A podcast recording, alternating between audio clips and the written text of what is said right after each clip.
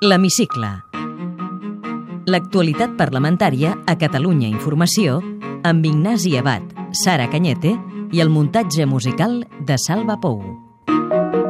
L'aprovació del dictamen en comissió del projecte de llei de modificació de la llei 289 de 16 de febrer sobre centres recreatius turístics i d'establiment de normes en matèria de tributació. Convergència i comerç, Unió i el PSC han aprovat en comissió el projecte de llei per a fer possible el macrocomplex d'oci i joc BSN World a Vilaseca i Salou.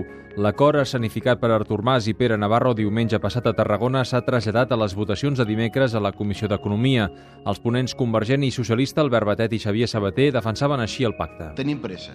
Tenim pressa perquè estem parlant de persones. I amb les persones que no tenen feina no s'hi pot jugar. I el grup parlamentari de Convergència i Unió, aquest govern, treballarem perquè les persones tinguin feina i puguin crear els seus projectes de vida i futur, també al Camp de Tarragona i a la Costa Daurada. La llei que avui presentem no té res a veure amb la llei que va entrar en aquest Parlament. Si es produís alguna merma de l'actual recaptació, incorpora una clàusula en la que es comprometen els operadors a cobrir fins a l'actual nivell de recaptació. L'activitat dels casinos només suposarà un 15% de la inversió total. El Partit Popular avala part de la llei amb esmenes pactades amb CiU, però s'absté a la resta. Rafael Luna lamenta que el govern hagi prioritzat l'acord amb els socialistes. Aquí que ha trencat les negociacions aquells que se les ha omplit la boca de dir dia sí i dia no que volien un gran acord pel territori. Gran acord del territori que el Partit Popular des del primer dia, ara i fins al final, està completament obert per fer. Ara, el senyor Artur Mas l'ha anat millor una foto amb el senyor Navarro que amb la senyora Alicia Sánchez Camacho, que no s'hagués fet aquesta foto perquè nosaltres ho haguéssim fet des de la discreció i des de la suma. Esquerra també dona suport parcial a la llei, però no als aspectes claus, com la rebaixa fiscal de l'impost dels casinos. Pere Aragonès. Votarem en contra d'aquells articles que creiem que atorguen privilegis sense garanties en matèria d'urbanisme i fiscalitat i votarem a favor dels articles que ordenen els aspectes de joc, que igualen el joc al que hi ha regulat actualment, que defensen els menors i que defensen els consumidors. Abstenció de Ciutadans. Però amb crítica contundent Jordi Cañas. sí a una inversión, pero nos tenemos que preguntar cuál y sobre todo cómo. Algunos podíamos haber estado a favor de aceptarla, siempre y cuando las condiciones, es decir, el cómo, hubiera sido el adecuado. Y el cómo era simple y llanamente haciendo cumplir la ley, que es lo que tiene que hacer una administración. No se puede legislar ad hoc. Els únics grups netament contraris a BSN World, Iniciativa Esquerra Unida i la CUP van votar contra la llei. Així ho argumentaven Hortència Grau i Isabel Vallet. Nosaltres aquest model no l'avalem i neguem que el futur del territori on vivim passi per sis casinos, passi per ser el pool del joc entre Atlanta o Las Vegas i entre Macao. No hi ha dubte, en tot cas, que estan legislant a favor d'uns interessos privats i tampoc hi ha dubte, i això sí que és cert, que aquí sempre guanyen els mateixos. De moment, el que guanya i el que s'ho emporta a la butxaca és la caixa. Superada la votació en comissió, la normativa sobre BSN World, que de fet és una modificació de la llei de centres recreatius turístics del 1989, tornarà al ple per a la seva aprovació definitiva. Previsiblement el 24 d'abril. Aquesta setmana ha començat el judici pel setge al Parlament del 15 de juny del 2011. Els 19 encausats s'han negat a declarar davant l'Audiència Nacional. ¿Va contestar al Ministerio Fiscal, a las acusaciones? ¿No las va a contestar? No voy a declarar. No va a declarar. Bien, ¿va a contestar al Ministerio Fiscal? No voy a contestar. No va a contestar. ¿Va a declarar? No, m'acolleixo el meu dret de no declarar. La majoria de diputats citats a declarar ho han fet per videoconferència. Com Anabel Marcos, el conseller Santi Vila o l'exconseller Ernest Maragall. Venia molta gent amb una actitud bastant agressiva. ¿Nos puede concretar más eh, cuál era la actitud agresiva? Bàsicament insults i amenaces. ¿En ese momento sintió usted miedo? Sí. Yo estoy seguro que no recibí ninguna agresión, pero sí que recibí muchos insultos, nos tiraron agua, en fin, nos escupieron y nos insultaron, efectivamente. Todos pasamos miedo, la verdad. Pienso que esto es desmesurado en el planteamiento que se formula en términos penales. Podríamos estar hablando de falta en el peor de los casos. D'altres van preferir declarar a la mateixa Audiència Nacional. Com el diputat Salvador Milà. O els exparlamentaris Joan Boada i Alfons López Tena. No le cortaron el paso, no le empujaron, no le increparon. No, no, señoría, no tuve ninguna, ninguna incidencia, ni física ni moral. Sí, me bloquearon el paso, fui objeto de algunos insultos, insultos i algun tipus de persecució. Per una banda intentaven fer-nos caure amb trabanquetes pel darrere i per altra banda llançaven ampolles de líquid. Durant la vista oral s'han constatat importants problemes de traducció dels diputats o exdiputats que volien declarar en català. És el cas de Montserrat Tura. La paraula que jo utilitzaria no seria la de por. La palabra que definiría sería no sería la de miedo. ¿O sería la de miedo, lo que ha dicho?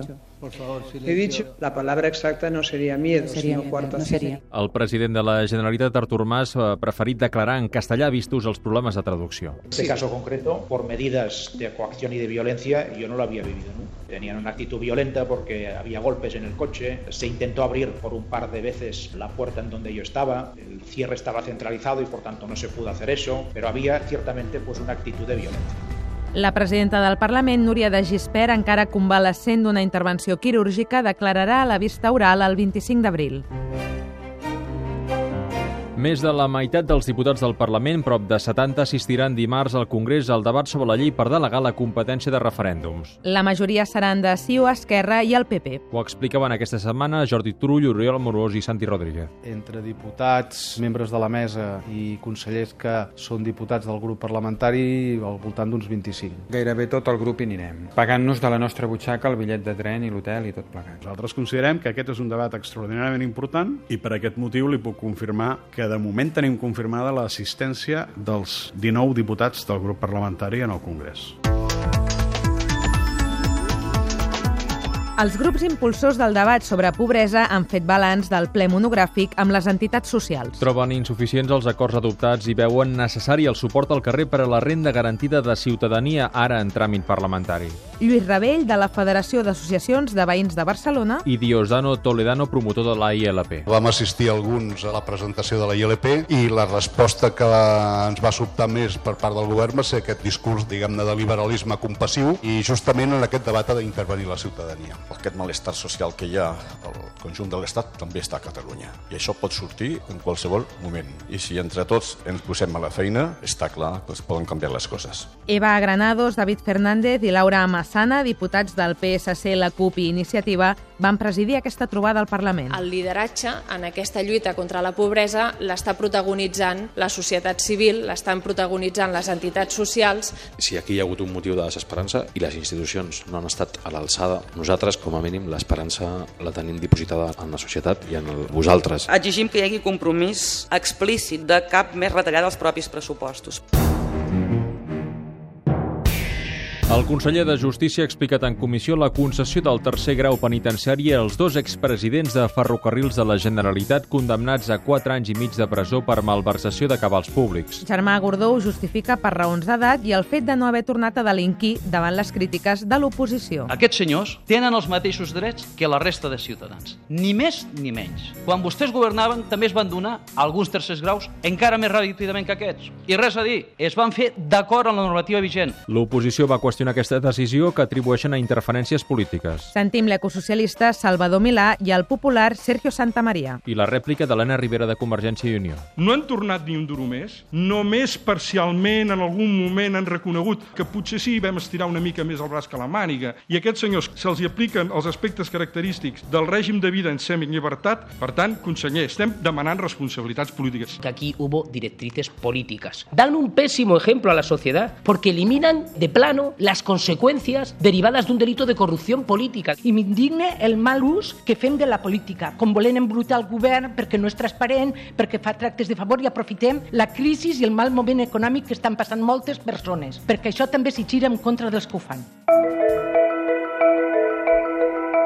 El conseller Germà Gordó també va presentar a la Comissió de Justícia el nou pla d'equipaments judicials fins al 2020. que inclou el nou Palau de Justícia a Tarragona i la nova Audiència de Barcelona. Tarragona és l'única capital de província que no compta amb un equipament que concentri tots els seus òrgans judicials. L'inici del projecte del nou Palau de Justícia de Tarragona es preveu per a l'any 2015. Pel que fa a Barcelona, es preveu reconfigurar les actuals ubicacions del Tribunal Superior de Justícia de Catalunya i de l'Audiència Provincial. La construcció d'un nou edifici per encabir l'Audiència Provincial està previst en el solar dels antics jutjats d'instrucció de Barcelona. El Parlament de Catalunya ocupa l'onzena posició entre les cambres legislatives espanyoles pel que fa a transparència, d'acord amb l'estudi realitzat per l'ONG Transparència Internacional. La cambra catalana obté bona nota pel que fa a la informació sobre el mateix Parlament, l'activitat legislativa i de control, però dolenta quan es tracta d'aspectes econòmics i financers o dels indicadors de la llei de transparència. Els treballs de la ponència d'aquesta llei podrien acabar a mitjans d'aquest mes. La mesa del Parlament diu als diputats disculs al PSC que el grup socialista és lliure d'organitzar-se com vulgui. Joan Ignasi Helena, Marina Geli i Núria Ventura, que van ser apartats de les seves funcions al grup després de trencar la disciplina de vot al gener, havien demanat a la mesa que digués quins drets individuals tenen com a diputats. La resposta dels serveis jurídics de la cambra és clara. El reglament no dona dret als diputats de forma individual a representar el grup en determinats debats o comissions, sinó que és el grup qui tria els seus representants en cada àmbit.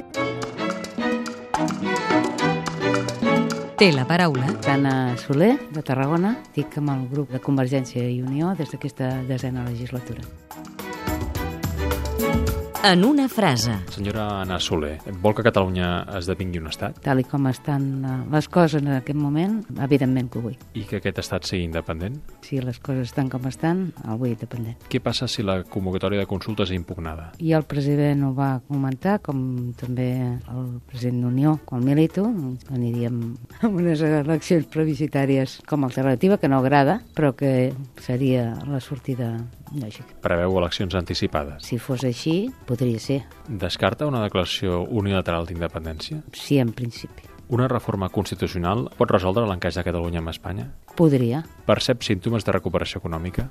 La percebo en el que és la macroeconomia, no encara en la microeconomia. Fins quan creu que s'allargarà la crisi?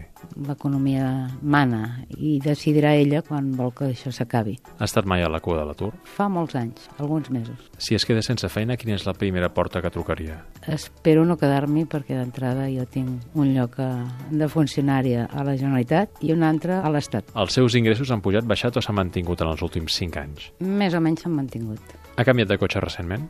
Fa dos anys. Ha pagat o cobrat mai en negre? No. Posaria la mà al foc que el seu partit ningú ha comès mai cap irregularitat? Jo li posaria. Quina és la llengua d'ús habitual a casa seva? Català. Quantes més en parla?